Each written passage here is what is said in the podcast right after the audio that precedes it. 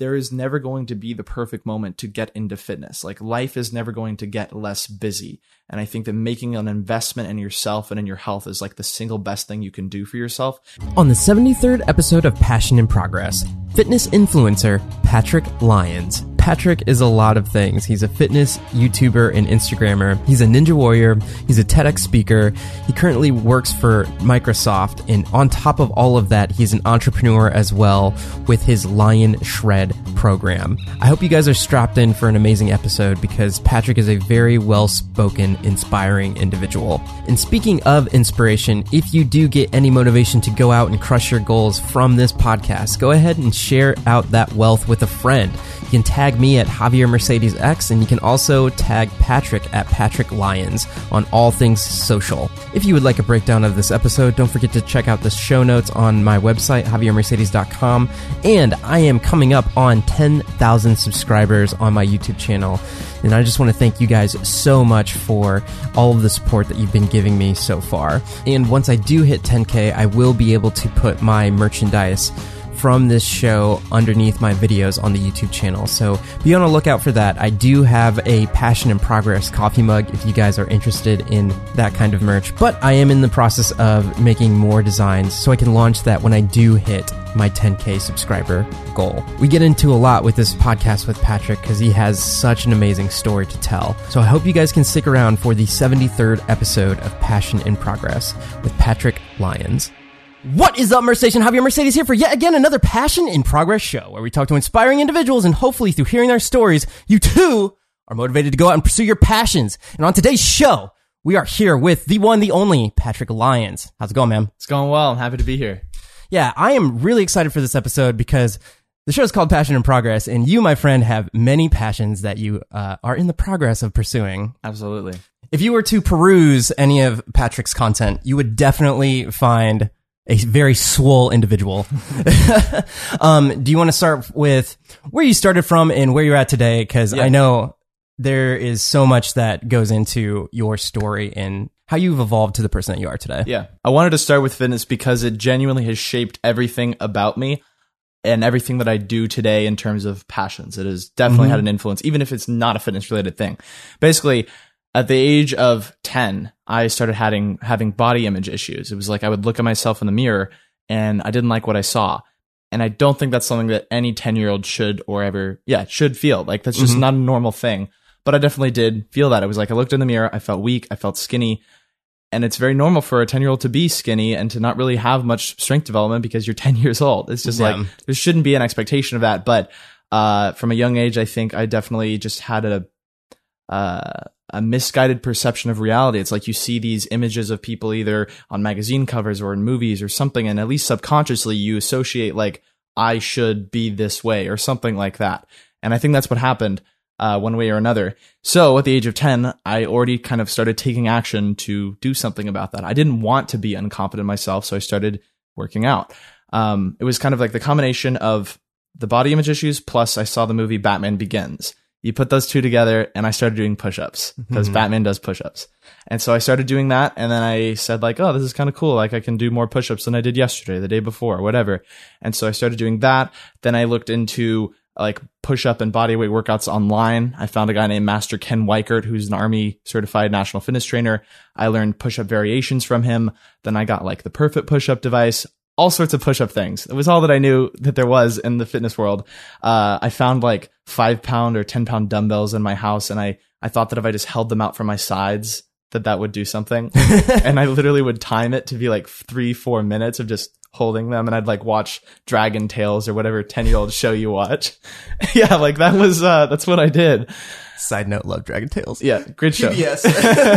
so that was like the very beginning stages. And I literally did hundreds, if not thousands of push ups and sit ups over the course of ages 10 to 15 because I had no other background.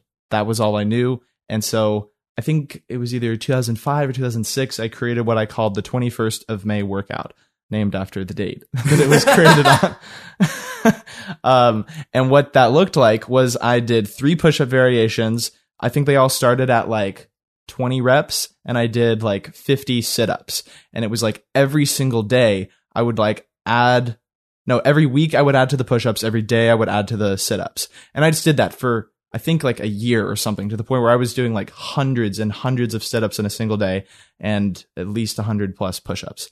And I'm like 15 and I don't have any other background uh, in fitness. This is just what made sense to me. And then high school comes. I'm a nerd. I don't want to have a GPA hit from taking an athletic class where you don't get bonus points from an AP class. Mhm. So I did summer school PE because it has no effect on your GPA. But for some reason, at summer school PE with like pretty much the least in shape people, myself included, they had us do P90X. Which is really Yeah, which is so brutal. yeah Like, why would you give me that when I'm not? It killed me. I couldn't make it through like five minutes without being like. yeah like, because I- it's P90X. yeah, like it's insane. And so I did that, but that was one of the distinct shifts in my life that I can like point toward because I did those five minutes and I couldn't do any more. And that frustrated me. I was like, I want to get to the point where my body is capable of not only like finishing the workout, but being fine from finishing it, like being able to do more. And so that was like the, the trigger point that I needed that switched everything. And so I did P90X all the way through starting then. And I did 90 days straight through, got in the best shape of my life, but knew nothing about nutrition. So I stayed the exact same size. yeah. So I just looked like really shredded as Mhm. like a 15 year old. Uh, then you continue on for the next four years. I was very goal oriented. Like I mentioned, I was like a nerdy kid. So like I had ambitions in the academic world. I'd now done P90X, but the problem is I was so goal oriented that it was like, once I finished P90X, I was like, what's next? And I didn't have an answer to that. So I stopped working out for a year. And then that happened again. P90X2 came out, stopped working out for a year. P90X3 stopped working out. And I just kept doing that. Um, finally, once I got to college, I'm, I'm setting this up as if this is the moment of success, but it's not. I get to college having done P90X3 and thinking like, okay, I can finally continue working out. The problem now is I'm living in a college dorm room. I have like no space to work out in. So P90X is kind of out because you have to do that pretty much like at home. It's a home video series. So then I go to the gym and this sets up a whole new problem because now I feel lost and kind of alone and not like I belong because I don't know how to use a gym. And I'm still fairly skinny, so I feel small. Maybe I wasn't skinny, but I felt small because I the the issues from when I was a kid. Um, so when I try to go to the gym, I don't know how many sets to do. I don't know how many reps to do. I don't know how to use machines. I don't know much of anything about how to use a gym. I just knew how to do a workout program at home with the person right in front of me. Um, so you combine that with the first semester of college and I stopped working out and I got in like the worst shape that I'd ever been in. And granted, it wasn't terrible by any means, but it's like when you go from fitness every day to no fitness for six months, it's a big difference. Mhm. Uh, so then the final starting point, the final restarting point of my entire fitness journey was March 2nd, 2015. And that was the day that I started doing a weightlifting program in the gym for the first time, learned how to do all the exercises, finally started building my confidence both in the way I looked and felt and my confidence with using machines in a gym, using machines, dumbbells, barbells, everything. So since that date, aside from small periods of injury where I was mandated not to, I've worked out at least five days a week, every single week for the last four years and seven months. Dare I say you've been shredding? Yeah. A little uh, nod to your program. uh, Yes. Yeah. So in diving into your content, one thing is you write a lot. Yes. On the on your Instagram posts, Heck of a it's like novels underneath. Yeah. You post a lot. So, in uh, preparing for this interview, you can get a lot of inspiration from just reading through not only your copy that you put underneath your Instagram posts, but also hearing from the other people that are commenting on your posts as well. And on top of that, you loop in the idea of watching your YouTube videos and a whole encompassing 360 view of your presence online and Yeah. thi- things like that. Do you want to get into how this led into Ninja Warrior and how that ties into, I guess, setting goals for yourself to accomplish things? Yeah. Uh, I guess the first thing I want to address is the the long captions thing because I do think it's like an interesting point. There aren't many people I have, I literally don't know of anyone else who does Instagram the way that I do it. It's very specific, it's very intentional, it's unique, and that's all again intentional. Um, I write, I max out the caption limit pretty much every What's the single caption time. limit? I don't know. I don't know. You just max I, it out I, I literally I write until it doesn't let me anymore, and then I have to go back and edit it so that it'll let me finish it. Like that's every single time Wow. and it's that is almost a point of frustration. I wish the cap was longer because I could definitely write more. Uh, but it's probably good to make it at least a little bit consolidated. But the reason I do that is because my background is in storytelling and acting and speech and debate. So like I have a performative nature to me. I have like a, a brain that is geared toward like writing out a speech. Mhm. It's like that's how I tell stories and messages. And what I realized is that I could merge my fitness brand with my background to create kind of like a cohesive thing that just was a reflection of who I am. And not only that, it's now like I get to add value to someone's life every single day if they so choose. Like if they read a post of mine, I want them to walk away with either knowing something, being entertained, or being inspired every single time. And that's the reason that I, I write a novel. It's like I know that probably 80 plus percent don't read it, and that's okay with me because I I'm okay with someone just appreciating a picture. But for the people, the 20%, whatever, that choose like, you know what, I'm gonna read everything Patrick says, they're gonna gain something from it without ever paying me anything. And that's kind of my goal. Do you post every day? Every single day. And then how do you approach the photo side of it? Do you go on long photo shoots and then just disperse that out across like you already have all right, I'm going to be using X amount of photos throughout this time period or how does that look? basically uh, i've done enough photo shoots that i have a backlog of literally hundreds of images from which to choose from Okay. and it's not like i say like um, you know uh, uh, november 2nd of this year i'm posting this picture with this caption it's like i choose the photo each day and i write the caption each day it's not necessarily the most efficient way to do it and i may change that eventually but yeah it's literally like i'll be thinking of what i want my story to be what i want my caption to be um, I might like reference my Instagram to see like what I've been posting lately and what I can do maybe differently to add different types of content. Then that allows me to choose the right picture, and then I go to writing. So And with with that, do you have a certain aesthetic that you want your Instagram to have, or is there like some random picture that you might find and you're like, nope, I like this. I want to tell this story it's with a, this. it's a mix of both. Sometimes there are those random moments where it's just like this makes sense to me right now, but I do also have this thing where it might mess up your grid, man. Yeah. It- it's so I don't necessarily care as much about like the quote unquote aesthetic of the grid, but it's more so like with a frequency of types of posts within the grid. Okay. So like I want videos to be ideally every third to fourth post. So that way I'm at least sharing video content frequently. Mhm. Um, and then I want a transformation picture like every fourth post or so. And that has challenged me to find new ways of showcasing transformation. Because it used to be that I thought, oh, I can only post a transformation picture once I've completed like a 90 day program. And I don't think that way anymore because I think transformation happens in a myriad of ways and a myriad of time frames. And I use my Instagram to show that. And then everything in between is usually just like a really high quality picture with hopefully like a motivational, educational caption attached. Can you talk about that at the beginning? Because I'm actually really intrigued by that, and I think it's something that a lot of people can relate to. If it, even if it's not transformation, it could be some sort of subject that people that want to grow their Instagrams and create content uh, on a more consistent basis, but Yeah. they're facing the issue of, well, I already posted about this one subject. How do you approach each time, or how was it in the beginning compared to where you're at today? So when I was at the beginning, I had a lot of self doubt, and that was driven by me thinking about what I thought others thought about me.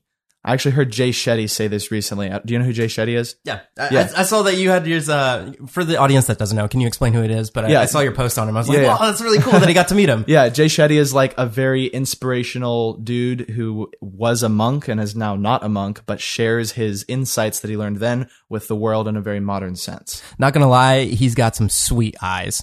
That's literally what someone at the, the event said. they got up to answer, uh, ask a question. They were like, before I say this question, I've listened to Gary Vee and he was right. Your eyes are incredible. Yeah, it's like it's just I, if you see a photo of him, I you're like, what? This is a real human being? Yeah. yeah. But continue Yeah, yeah. story. so what I was saying is that he said that one of the biggest flaws with people is that they are thinking about what others think about them and that they're thinking about how they're perceiving them. It's just like this loop of thought about what others think.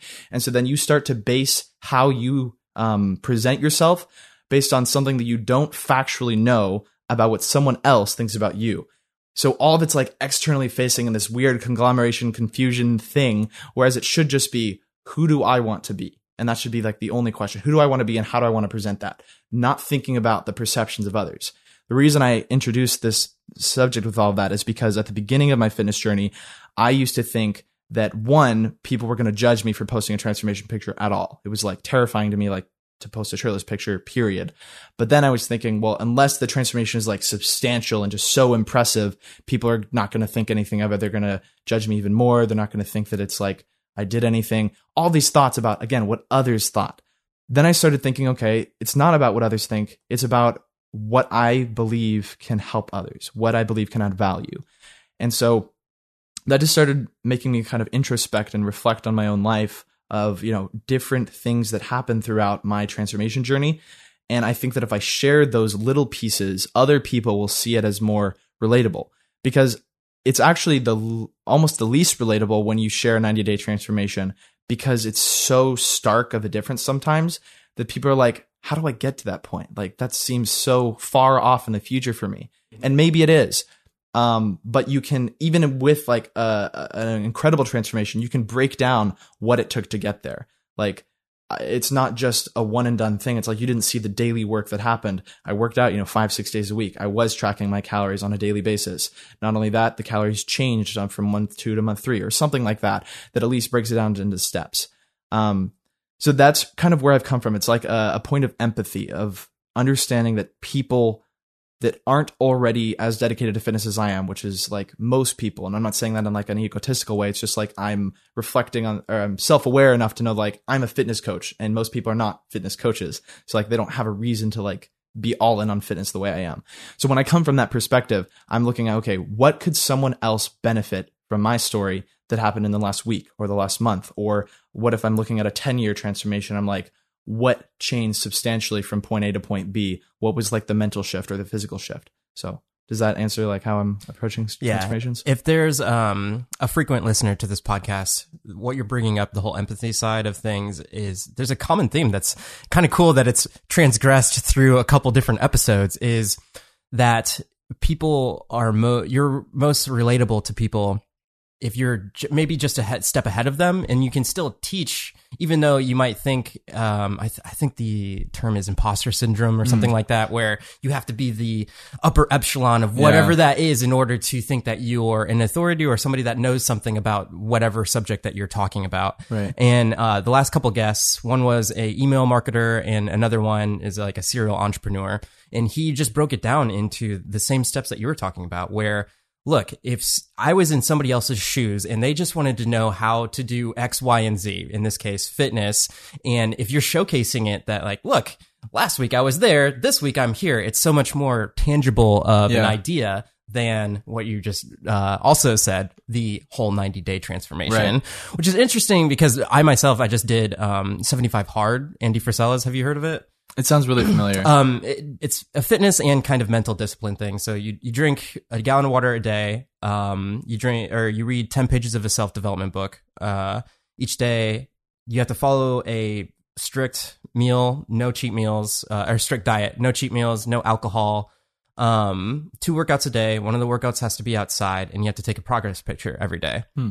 And what's interesting, and I can, I'm just relating to everything that you're saying yeah. is as I was going, I really wasn't like sharing my story with it, right? I was, I just wanted to see, all right, how far can I go with this? Yeah. It turns out I did the whole 75 days and everything, yeah. and the transformation was like amazing. But, uh, as I was going, it just started happening that like around the middle of the transformation, people just started asking questions like, wow, you're looking different. What did you do? And then at that point, I was like, oh, well, I guess it'd be nice to just like document this just so yeah. I can have something to um to fall back on. I turned it all into like one encapsulating podcast episode, but okay. I think in terms of what you're talking about where you lead people through your whole journey every day is so much more relatable as opposed to here's my stark difference after yeah. 75 days. Right. Would you agree? Yeah, totally because for me I used to be of the the yeah, just like post a 90 day thing and then I don't really know what else to post. It's just like I felt like that was the end all be all. Yeah. And yeah, now it's like if I post a transformation, it's not a surprise to anyone anymore because they know I'm putting in the work daily. In addition to my posts, I post on my story every single day as well, multiple times, and I shoot for at least two posts showing my workout from that day. So it's like, again, if I post a transformation and anyone's been watching my story, they're like, this makes sense. He's been working out every day. He's been showing what he's eating. Like I, I document all of it. Uh, so there's no surprises and it, it makes more sense to someone who's not already in the world of fitness. Okay, so I'm want to take this interview and like breach all different spectrums of what you create because you you do a lot, and um, so we've started with fitness, and can you kind of curtail that into the other things that you're doing? Uh, Like, say if somebody was to view your YouTube channel, what would they see there? Yeah. So my YouTube channel is, uh, I like to say it's pranks and fitness, and it's fitness pranks. yeah, because uh, when I created my YouTube channel from the onset, I knew that I wanted my first video to be my transformation story, like from beginning to present, because I felt like anyone coming across a fitness personality or influencer, whatever you want to call the word, they would want to know that they at least started somewhere other than where they are at now. So it's more relatable. Then from there, I didn't know at first what I wanted the rest of my content to be. And I worried about putting out strictly fitness content because, in my mind, not everyone right now is ready to get into fitness. But I do think everyone wants to be entertained. So I was like, how do I do that? How do I entertain people? And so then pranks became the first thought because I'd also met like a Instagram and YouTube prankster type person who was also interested in fitness. So I was like, okay, this is totally doable. Um, and then I thought specifically, if I can weave fitness into the pranks, there's at least the subconscious or whatever connection between my entertaining content and like my business, my product. Um, so, for example, I'll like run into a library as Batman during finals weeks when there's like hundreds of people in the library, and I'll literally like do push ups and push up tricks and just really random stuff that you don't you're not used to seeing like Mhm. someone in costume do fitness things at all. You're not used to seeing them in a library. There's a lot of things that are abnormal about it. Um, but my goal with that kind of content is for the people involved in the video to be to enjoy the moment as much as I do. I love performing, so I'm going to enjoy it anyways, but I want to create an experience that's unique, that's weird, that's hopefully funny, things like that. So I'll have like the Batman videos. I've done the same concept with like T-Rex costumes, again, just like in the library doing push-ups and stuff.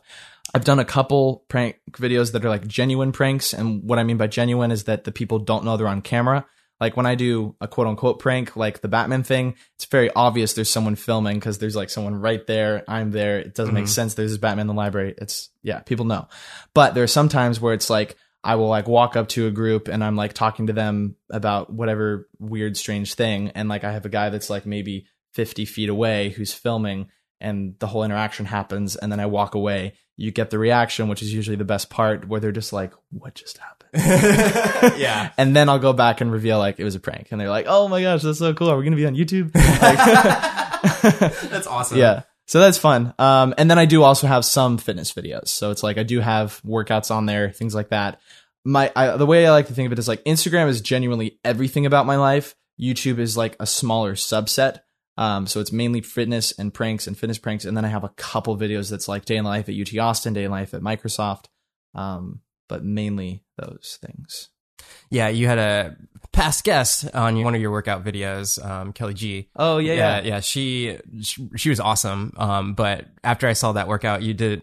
For those that are listening, he did a, a partner workout. I might do it with my wife after, after this. Yeah, you but yeah, it, it looked uh, it looked pretty funny. yeah. Um, so it's there's YouTube, Instagram. Is there anything else that you're uh like content wise that you're doing? I do post on LinkedIn sometimes, but Mhm. YouTube and Instagram are by far my biggest ones. Facebook is a regurgitation of Instagram. Like Yeah. I literally copy and paste everything over. Yeah. I just wanted to touch base just because uh, as a content creator, especially doing it as like a year now, it's more.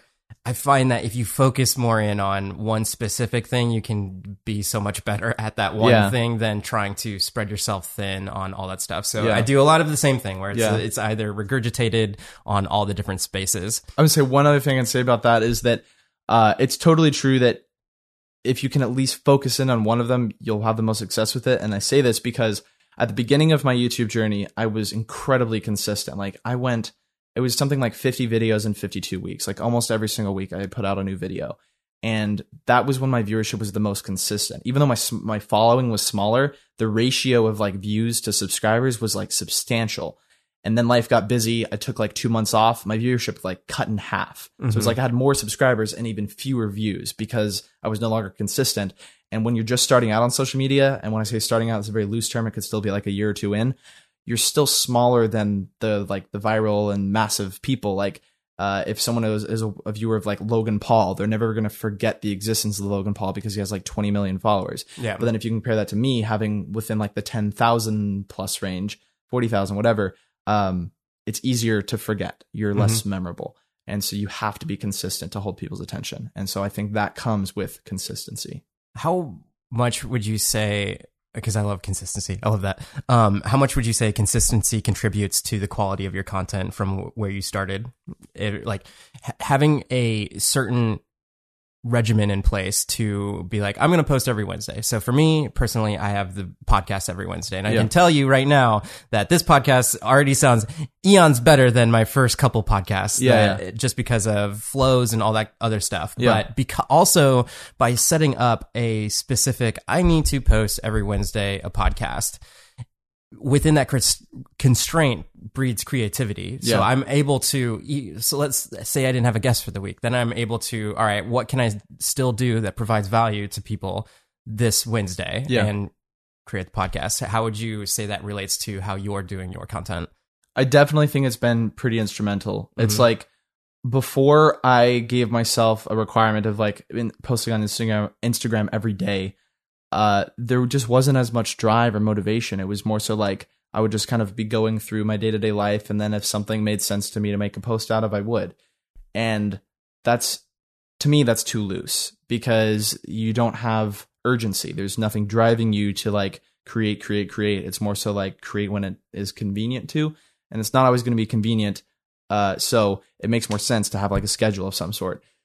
And then in terms of that, it's kind of like the more and more that I've gotten into it, the more that I just want the content to be better. So like for instance, um, pranks that I'll be putting out in the next like hopefully month are going to be like some of the highest quality pranks I've ever had because I like was able to connect with someone who's way way bigger than me and I just asked him about like what microphone he uses. And so now I have like the highest quality prank microphone you can possibly use to where like That's such a niche uh, genre. Like, I know. Like, like to ask other pranksters, like what what tech you're using. I know. Yeah, yeah. But like it's the kind of thing where now I can have a mic on me. My cameraman can be 50 plus feet away and they can have earbuds in and hear our conversation. like yeah. it's insane. Um, and I just didn't have that before. And like that definitely takes things up a notch. Yeah. And then it's like the more that I put out content, the more I've met other creators and the more creators you meet, the more you kind of thrive off of them. Maybe you collaborate, you partner together. So now I have people that have helped me film with like really, really high quality cameras. Everything kind of like feeds on itself. But if you never had the consistency, you might have never built those relationships and learned those things. And so I think it it all ties together. I think that's the most important thing you just said. I can personally attest to everything that you just said. Yeah. Uh, case in point is next week. Uh, this will actually happen after. So when you're listening to this, it's already happened. But I'm going to Vid Summit, which is like a lot of the. Have you ever heard of it? It sounds familiar. yeah. So, so in LA, uh, Vid Summit is hosted by Derral Eves, and actually, Mr. Beast just um bought stake in it too. But it's but it's a lot of the uh, it's all of the like top YouTubers are, go there to Dang. to to meet up, and it's just a big. It's not like VidCon. It's more um, there to talk shop and actually talk about YouTube's type stuff. So, like to to give you an example, uh, Casey Neistat and well, Mr. Beast is one of the speakers there too. But like those kind of people. Yeah. And I went last year because I, I won a ticket and I can tell you that the amount of people that I met and the networking that I got to do while I was there completely changed my whole trajectory as a content creator where I am uh, today. And because of that, the one, once you start putting out product and people can see that you, they can, they can actually have an idea of who you are by the actual content that you've put out, then they can gauge like, oh, this is somebody that I want to do something with or not. I mean, probably the same that when I reached out to you, like, hey, you want to be on a podcast? And then it's like, okay, well, let me see what Javier's up to. And then you can Yeah. see and be like, oh, that's something I'm into or not, you know? yeah. With that being said, collaboration in general, how would for p- other people that um, want to grow as a creator, because a lot of creators listen to this podcast, how would you go about reaching out to somebody to collaborate? So I think the first and foremost thing is you need to like actually know something about the person. If you just think that like they're famous and cool, that's just not enough. Like, like, Yeah. ev- like if you are someone who has a large following, that's old news to you. Like you have accepted that as part of your like identity and what you do. It's like, yeah, I have a large following, whatever. That's just part of me. If someone reaches out to you and they're like, they're very specific and intentional. Maybe they say like, "Hey, dude, I've been following you for like half a year now and I it just like you've inspired me. I saw like the XYZ video or XYZ content um and it, it triggered this change in my life. Whatever. Like if it's a specific thing like they changed something about you or uh, you related to their content or you've used something that they taught you to teach someone else, all are good things because then uh, they now feel like an emotional connection to what you've told them, and that gives you a much higher chance of collaboration. Um, the best chance, I mean, the best example that I can give is when I started my YouTube channel. Um, I had a very small initial following of like 150 people because I used to do Facebook Live videos. I still do, but that was like used to be my only method of content creation and I had a consistent viewership, and that was enough to like transfer them over to, to YouTube. But 150 is 150. It's not like super substantial, but it's something. What I'm getting at is I, I started my YouTube channel with this relatively small following, relatively small number of views on the first video, but I had met a fitness content creator, prankster guy named Connor Murphy. And I had met him on the UT campus and just like randomly ran into him. I took a picture with him that ended up in the video that he put out that like that week and I didn't get his contact information or anything, but it was like we had that small initial connection to where when I started my YouTube channel, I genuinely had mirrored my first video around his first video. Like he had directly inspired me to do that um, without him telling me to. It was just like I watched, I liked, I made. And so I reached out to him with a link to the video, explained what I just told to you, that like he inspired that first video, uh, and it'd mean a lot if he checked it out. Not only did he watch it, he said like it really meant a lot to him to know that like I or he had inspired my action and so he was like we should get in a workout. So it wasn't even like me proposing it. He had seen the change that he'd made in my life and wanted to kind of give back even more. So we filmed a video on his channel, a workout, and that video now has like 4 million views on his channel. But literally in like the first day of that video being posted, I jumped from 100 to 600 followers, which is like insane. That's really tough, especially in the beginning. If, Yeah. For YouTube, it's so hard to get your first hundred subscribers. Yeah, Yeah. super hard. That is my advice with collaboration. Like you just have to have a genuine connection or what incentive do they have to meet with you? Like they have busy lives. Everyone has busy lives. hmm You have to justify a meeting. Yeah. Pivoting. Um, can you talk about? So you did a TED talk, and during your TED talk, one of the things I loved is that you put up a list of things that, hey, I want to, I want to try these things, and then there's a list of, Eh, on that list, there was things that you got, you were told no to, there was things that you were accepted to, and all that kind of stuff. What I love about that technique is that you're, you're doing, you're actually going out and you're doing things, and Yeah. you're becoming a more cultivated person. Can you talk about why that is so important to actually go out and experience things, a whole plethora of things, a whole plethora of passions in progress. Ooh, Yes. Ooh. plug. Incredible. so the most important takeaway that I've had from that whole experience and that I continue to do today is that it took away the fear of failure because previously I thought about rejection too much. It was like, "Ah, I don't know if I want to try that. Like, it might not work out. And that's just not the way that I think you should go about life. I think it should be more like try everything with being completely accepting in advance that anything could be a yes or no. Anything could go your way or not. And when I approached it with that way, got so many more successes out of it because it's like now I had a larger pool of things with which I was putting myself into. You're going to get a larger pool of yeses out of it. Yes, you're also going to get a larger pool of no's out of it, but I guarantee you a lot of those yeses never would have come if it wasn't for those no's. So you put all of that together and I just think it makes for like so much more of a fun and interesting life. And it's like I don't know how many other 23 year old people can say they've tried over 120 things. Maybe there are a lot out there. I don't know, but I do it. And I think it has changed my life substantially. Like the TED Talk thing is a very direct example. The TED Talk that I got was either the third or the fourth one that I'd applied to. Like that wasn't my first try getting a TED Talk. If I hadn't tried those first three, I probably wouldn't have gotten the one that actually worked out. the more and more you do, the more and more you learn about life, and the more Yeah. you can become a better cultivated person. In preparing for your TED Talk, how was it? How much time did you have? How like I think you're my first guest that's had a TED Talk. So what was that process like? Yeah, so I believe it was an audition in either November or December, and the actual performance was April 6th. So the entire timeline of the process was like five ish months. And the way that that goes is you submit an application, you hear back about whether you're accepted for an in person audition. The in person audition has to be um, a nearly complete version of your alleged or your proposed speech.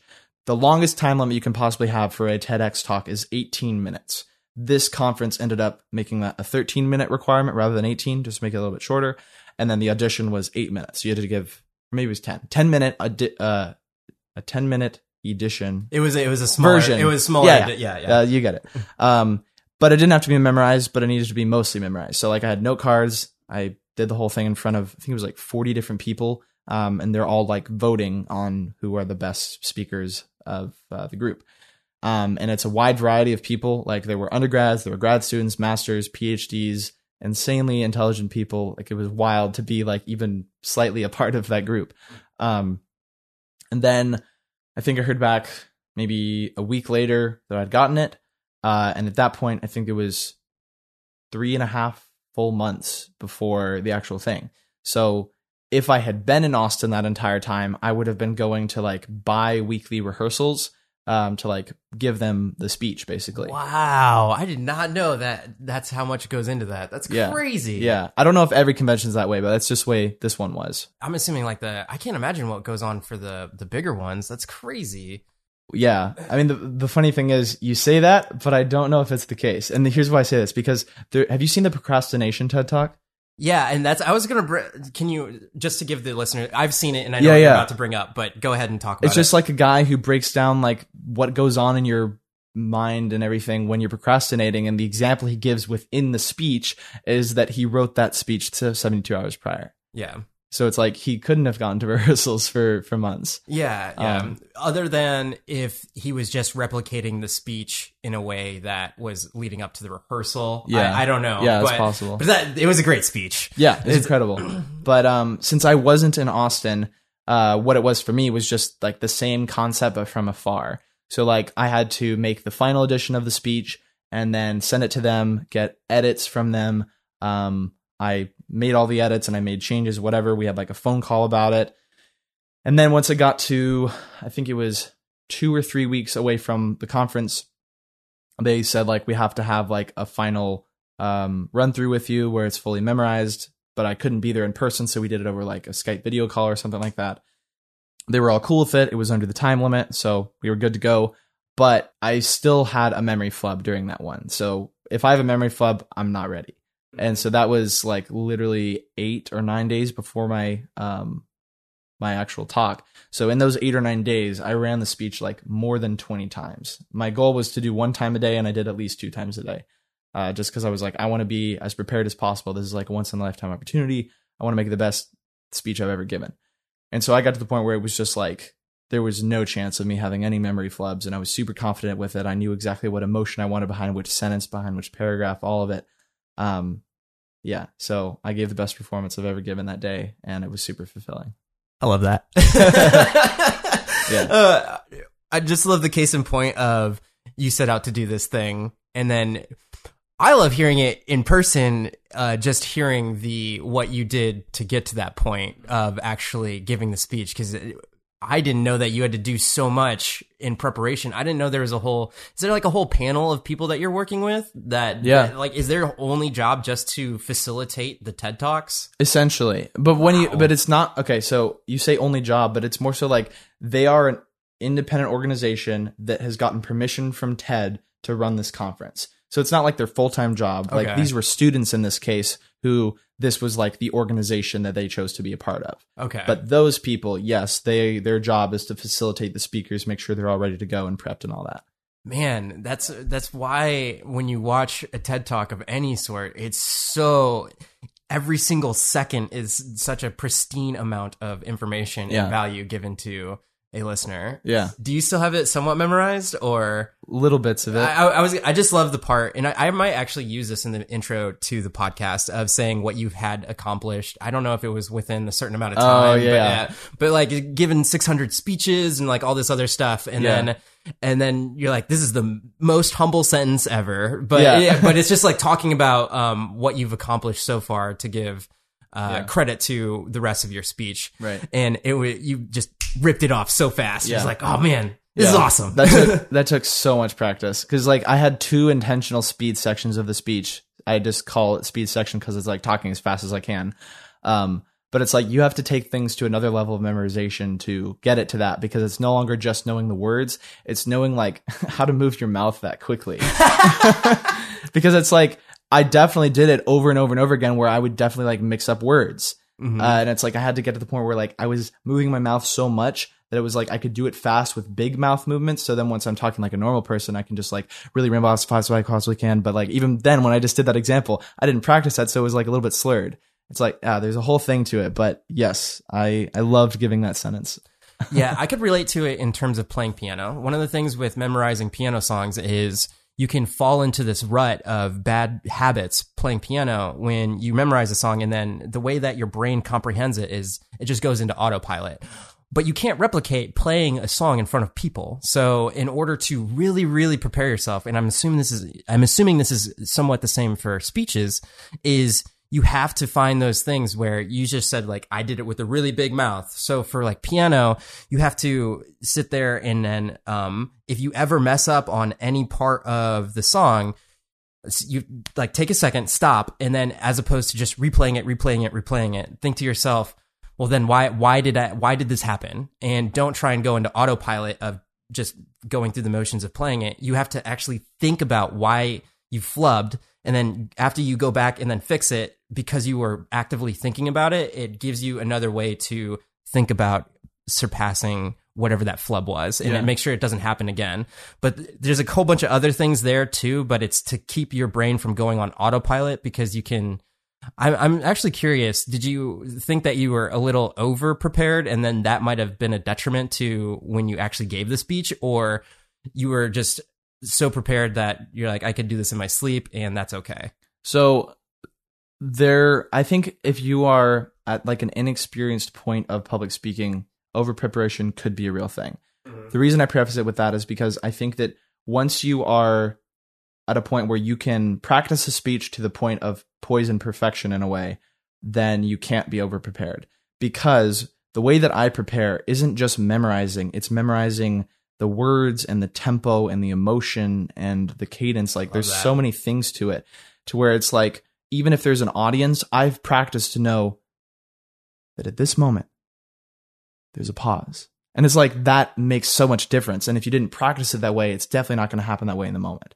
Um, Yeah, So, yeah. I, I would. That's in terms of piano. There's one thing to memorize the notes themselves, but then that's where the creativity comes. It's like once you've actually memorized what notes happen in what tempo and timing, then you can bring in your creativity of like, is this a, a soft um, s- a piano? Is what I was going to say, or forte. Yeah, yeah. But uh, soft or loud or however that may be, or how you hit the piano in a certain way, how you're interacting with the piano can then breed so much more to the performance, which there's a lot of similarities there in speech. Um, pivoting. Um, let's go and talk about Ninja Warrior. Do you want to tell your story of like how you got into American Ninja Warrior and all Yeah. that kind of stuff? basically once i got to a point of confidence in my fitness journey like i mentioned my whole thing earlier after that march 2nd 2015 date um, after you know multiple rounds of doing programs i got to a point where i had a lot of strength in general i had quite a bit of body weight strength and i was sharing videos and pictures of my fitness journey online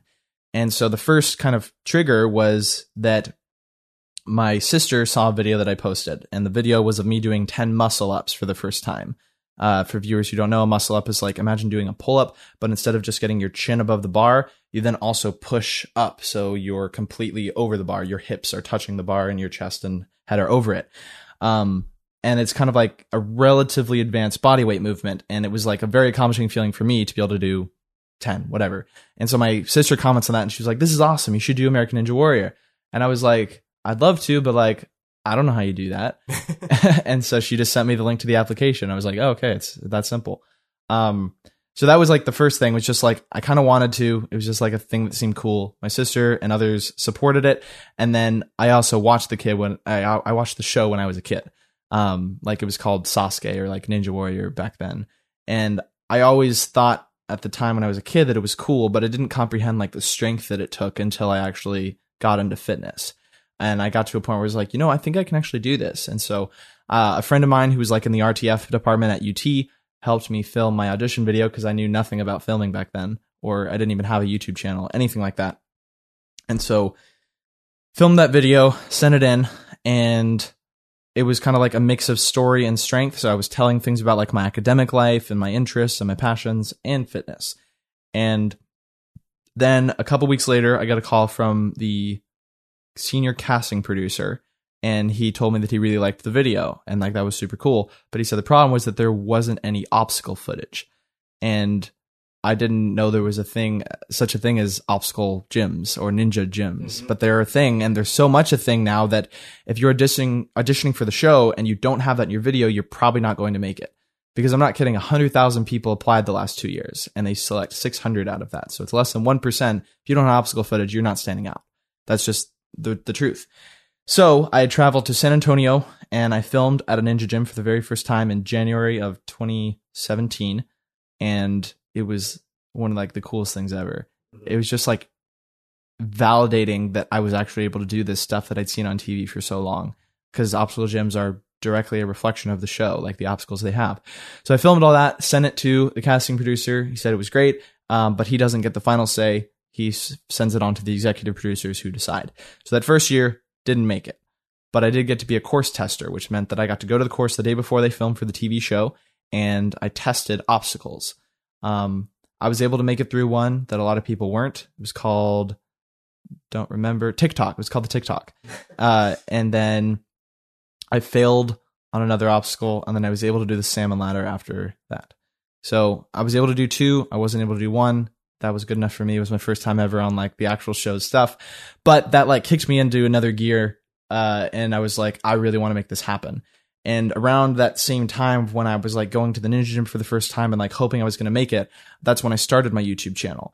And the reason I mention that here is because making it on Ninja Warrior is not just about being the strongest human or the leanest human or anything like that. You have to be able to tell stories through video. And so YouTube played a very direct role in that. Like I mentioned earlier, that first year was the most consistent I'd ever been with YouTube. So I was telling a story through video almost every single week of the year. And I was training to get in the best shape of my life for Ninja Warrior. You put those two together, by the time December of 2017 comes around, I know exactly what story to tell. I know exactly how to edit it, exactly how to film it, and I'm genuinely in the best shape of my life for that. And so that video was one of like the proudest videos I've ever made. It was like a solid 24 hours of editing that I put into it. And that's the one that made me on the show for season 10 in 2018. And do you want to say what happened? Yeah. Uh, so I always tell people like this is the exact wording I use every time people ask. It was the most larger than life spe- experience I've ever had. Like that is the easiest way to put it, best way to put it, because you go from tra- training on obstacles in like normal sized gyms to like this massive hundred, several hundred foot long obstacle course with lights and cameras and an audience of a thousand people in person with like the people you've been watching TV just sitting there watching you. Like there's so much to it that you've never been through. So even though I was genuinely in the best shape of my life at that time up to that point, um, that isn't enough to prepare you for that moment because there's the mental component of like self doubt and like worry and fear and uh, uncertainty. And so when I step up to the starting line to go, I'm like absolutely fired up. And it's like as soon as like you hear the ding to go, it was like I kind of just got sucked into the moment in a good way at first to where like all I could focus on was the obstacle. It didn't matter what everything else was going on. I get through the first obstacle. I get to the second. I'm celebrating. I'm pumped up.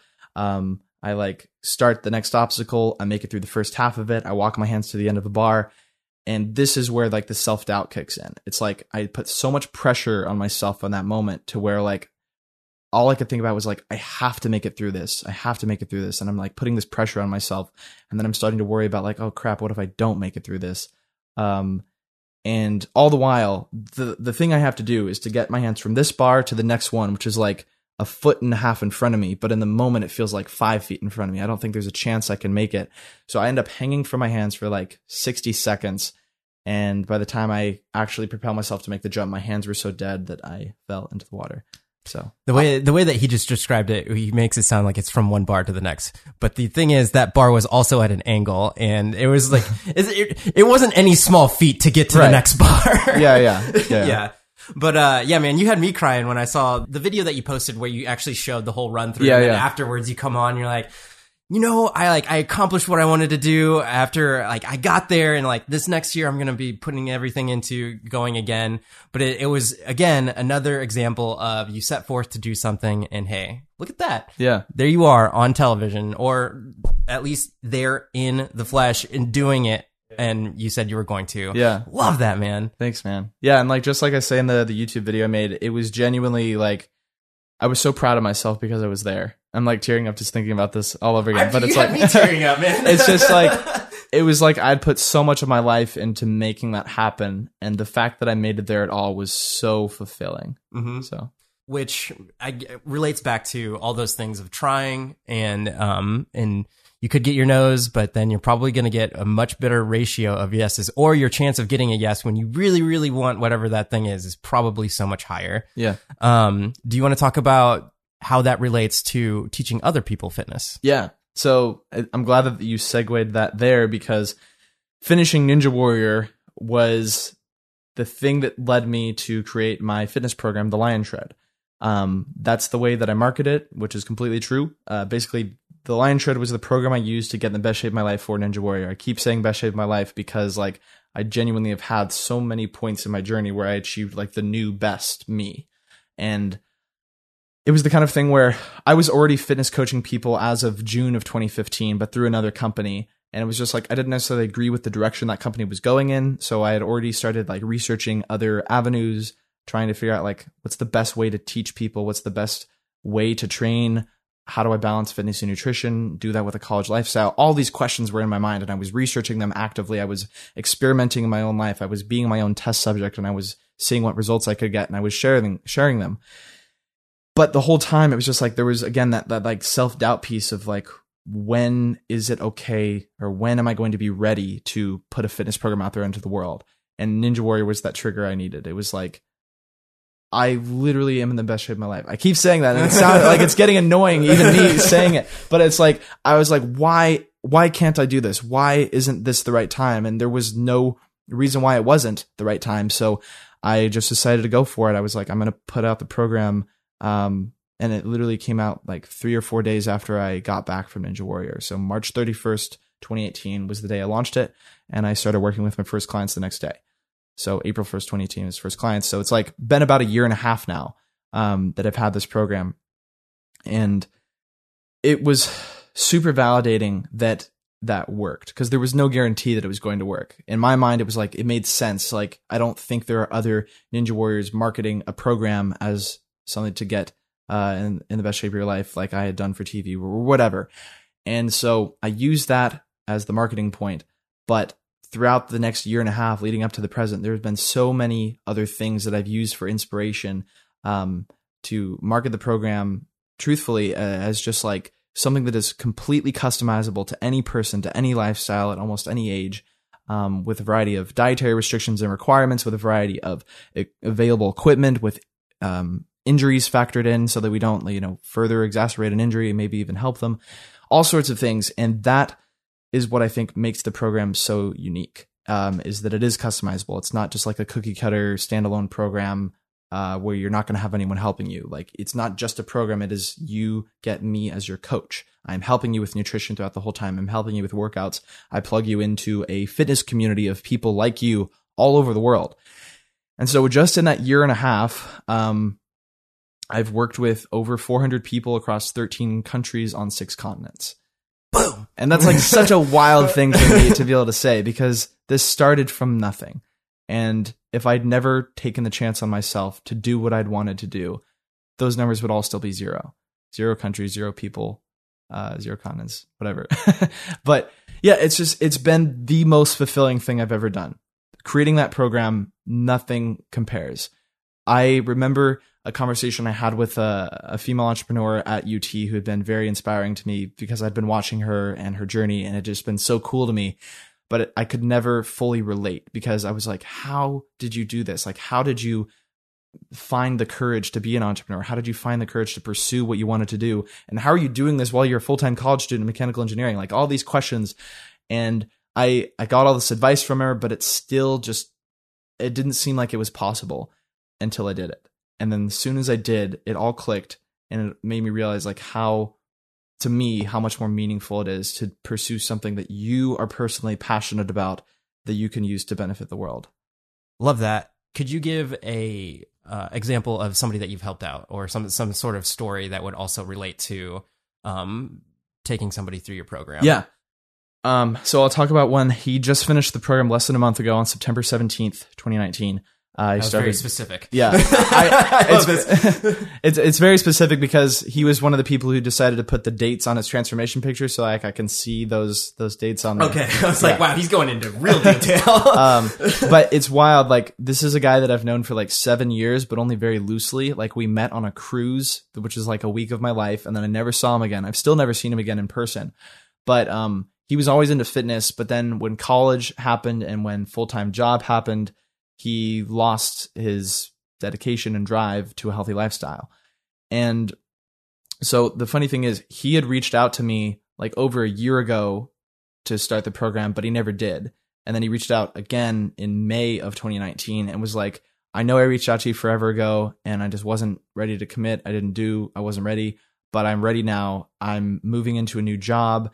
I this is getting a little bit into like a little bit of the deep emotional stuff for him, but he shared this publicly. He was like in a very kind of like depressing state of his life. Like he didn't feel good in a lot of ways, not just with his body, but mentally he was going through some things. He was starting up a new job, so there's a lot of like uncertainty and scariness to it. And the fact that that was the moment in his life where he chose to make a change, I think is really telling. And it's that like there is never going to be the perfect moment to get into fitness. Like life is never going to get less busy. And I think that making an investment in yourself and in your health is like the single best thing you can do for yourself. And I think that's exactly why that was the time in his life he chose to make the change. Because he had every excuse not to do this, but he chose that moment to do it anyways. And I think that was really cool. And so he took those next 90 days and he had actually had years of fitness experience beforehand so like he knew his stuff but he was constantly messaging me saying like dude i've never done this in the way that you're having me do it and it makes so much sense. Like this is so different than i'm used to and it's working and i'm feeling it. And then as he got into like the one and two month marks he's like dude i'm noticing like incredible changes. Other people are noticing changes. Like i feel better.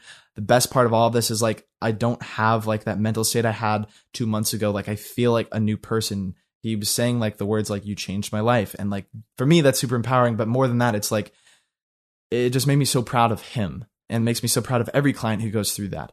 And so then by the time he gets finished with those 90 days he this is his words not mine he looked and felt better than he ever has. He's almost he's like stronger in a lot of ways than he was uh before. I say that because he used to do kind of like powerlifting style- style stuff and it's just a different world now. But it's it's so cool seeing that because this was a guy who was a friend of mine for sure, but I got to help him on a much deeper level um, than I think just like a, a common friendship. Because when you help someone with fitness, it will never just be workouts and nutrition. It can't be. It goes so much deeper than that.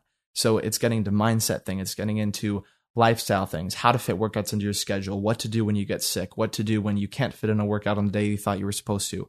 What do you do if you have a cheat meal? Like all these things that like it's so easy to get bogged down in the little stuff, but I'm there to help you see the big picture and help you understand that like life is never going to be smooth sailing and like you have to learn to roll with the punches and how to deal with those so that you don't get off track just because one or two bad things happened.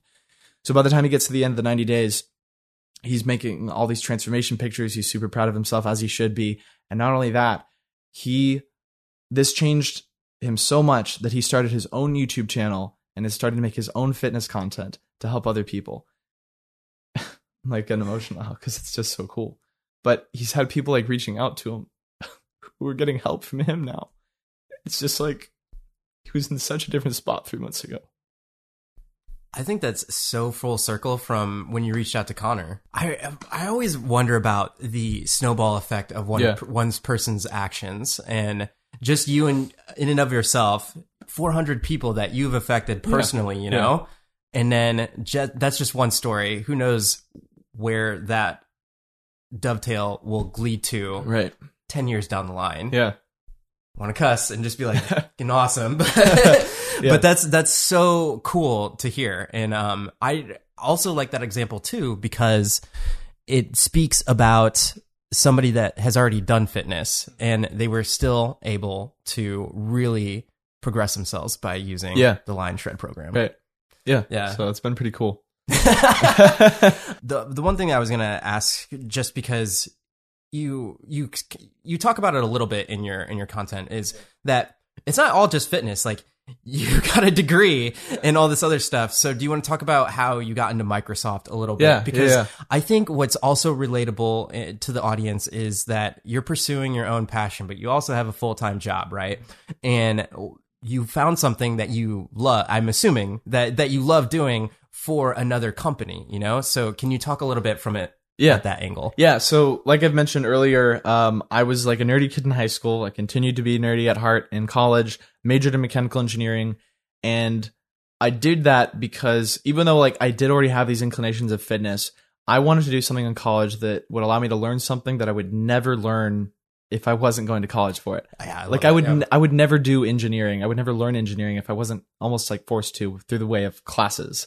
I all of like the drive that I've always had in life stayed with me. Uh, and I say it that way because it was like from my freshman year, I was like, I have to get an internship. I want to be learning outside of the classroom. I want to build my resume. I want to become like the best person in this realm of my life that I can be.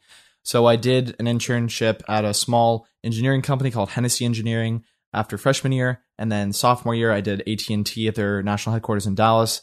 Uh, the next year I did Boeing in Seattle, and that summer I met people who were interning at Microsoft in Seattle.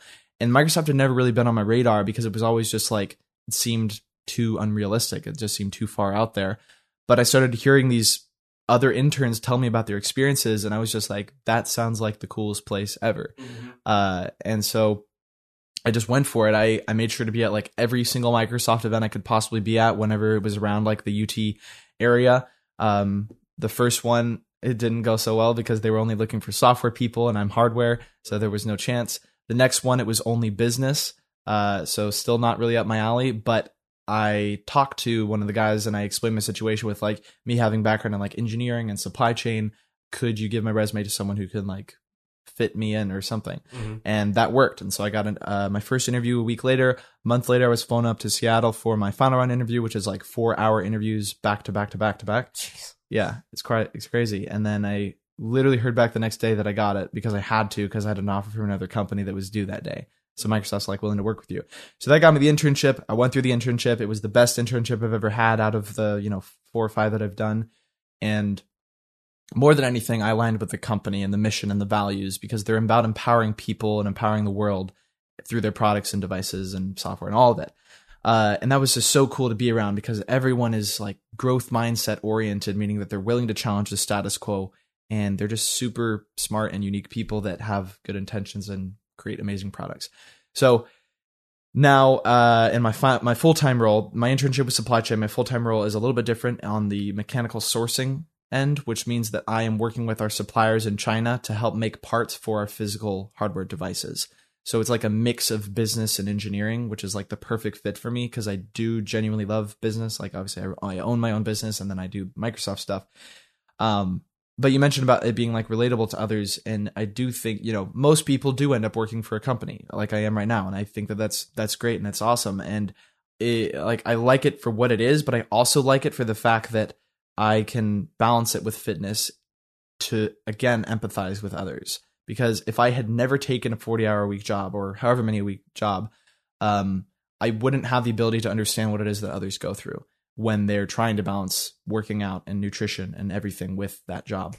Uh, but for me, I've tried to take it to another level because it's like I'm doing my own my own business and a corporate job and working out.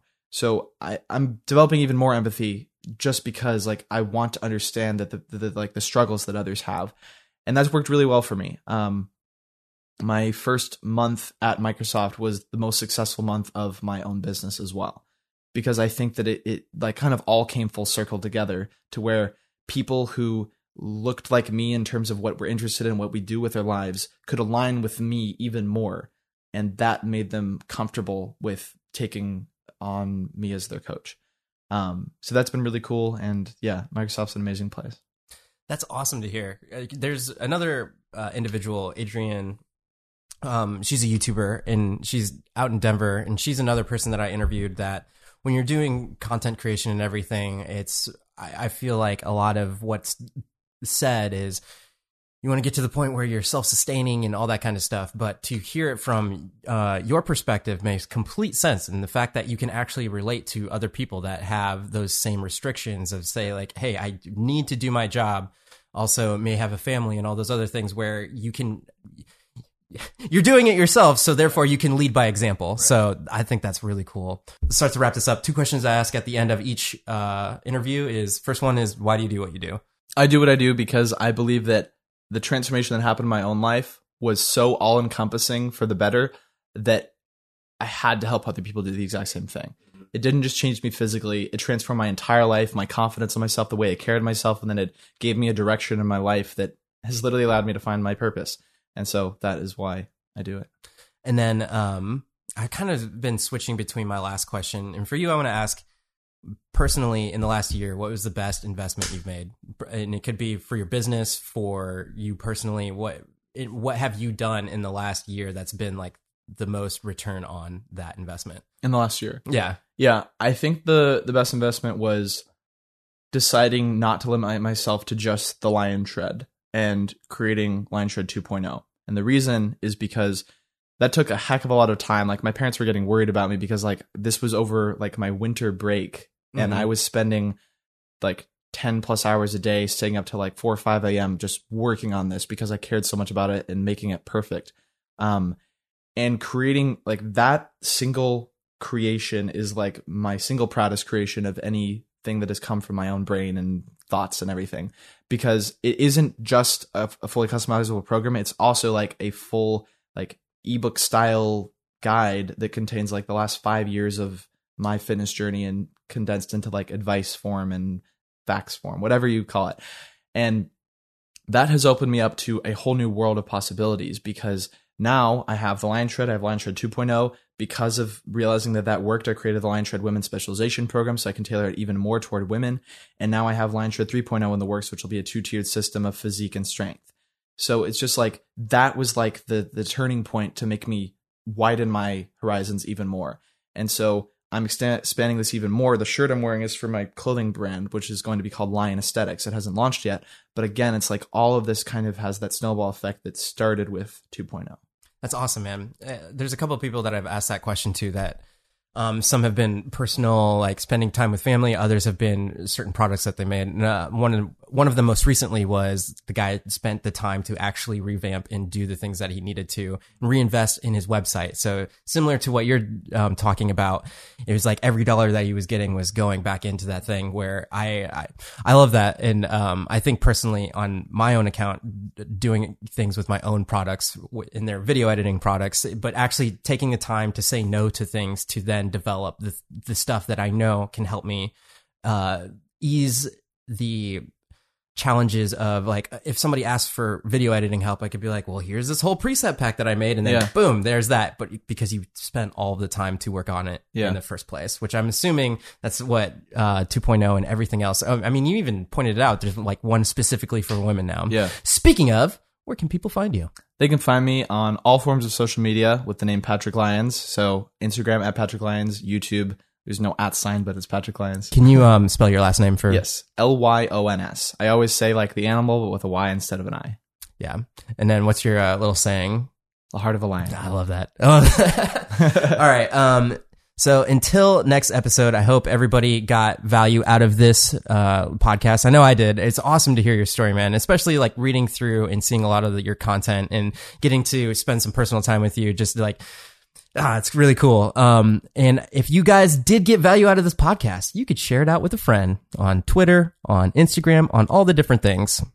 Until next time, I hope you're out there living a life of abundance. I'll see you guys on the next episode.